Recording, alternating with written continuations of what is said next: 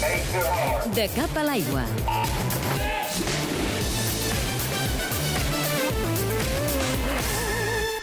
La selecció espanyola masculina i també la femenina de waterpolo ja sap els rivals amb qui haurà de jugar la primera fase del Mundial de Natació que es farà aquest estiu a Barcelona.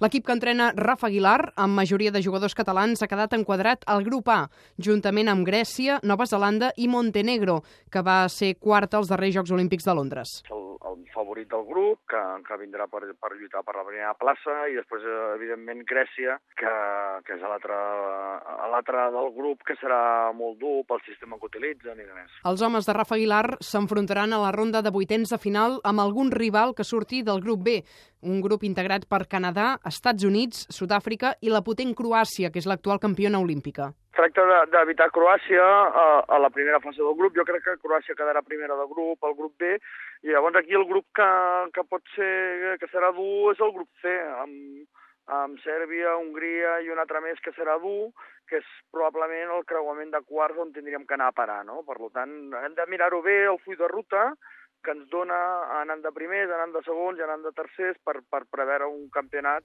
el que sigui, però el que sí que és clar que és evident el millor és quedar primer i a partir d'aquí ja ho veurem. Els altres grups del torneig masculí han quedat definits d'aquesta manera. Al grup C hi ha Sèrbia, que és l'actual subcampiona mundial i bronze olímpic, Hongria, Austràlia i la Xina.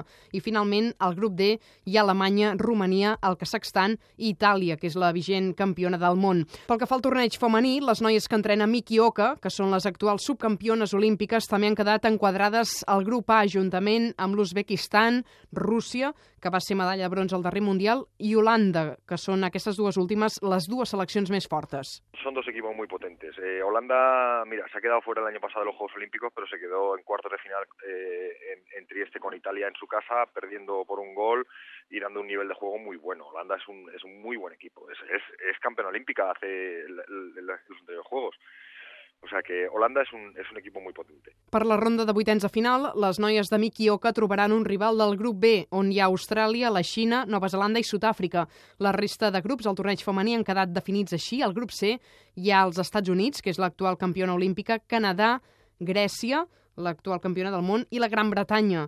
Finalment, al grup D hi ha Hongria, Itàlia, el Brasil i el Kazakhstan.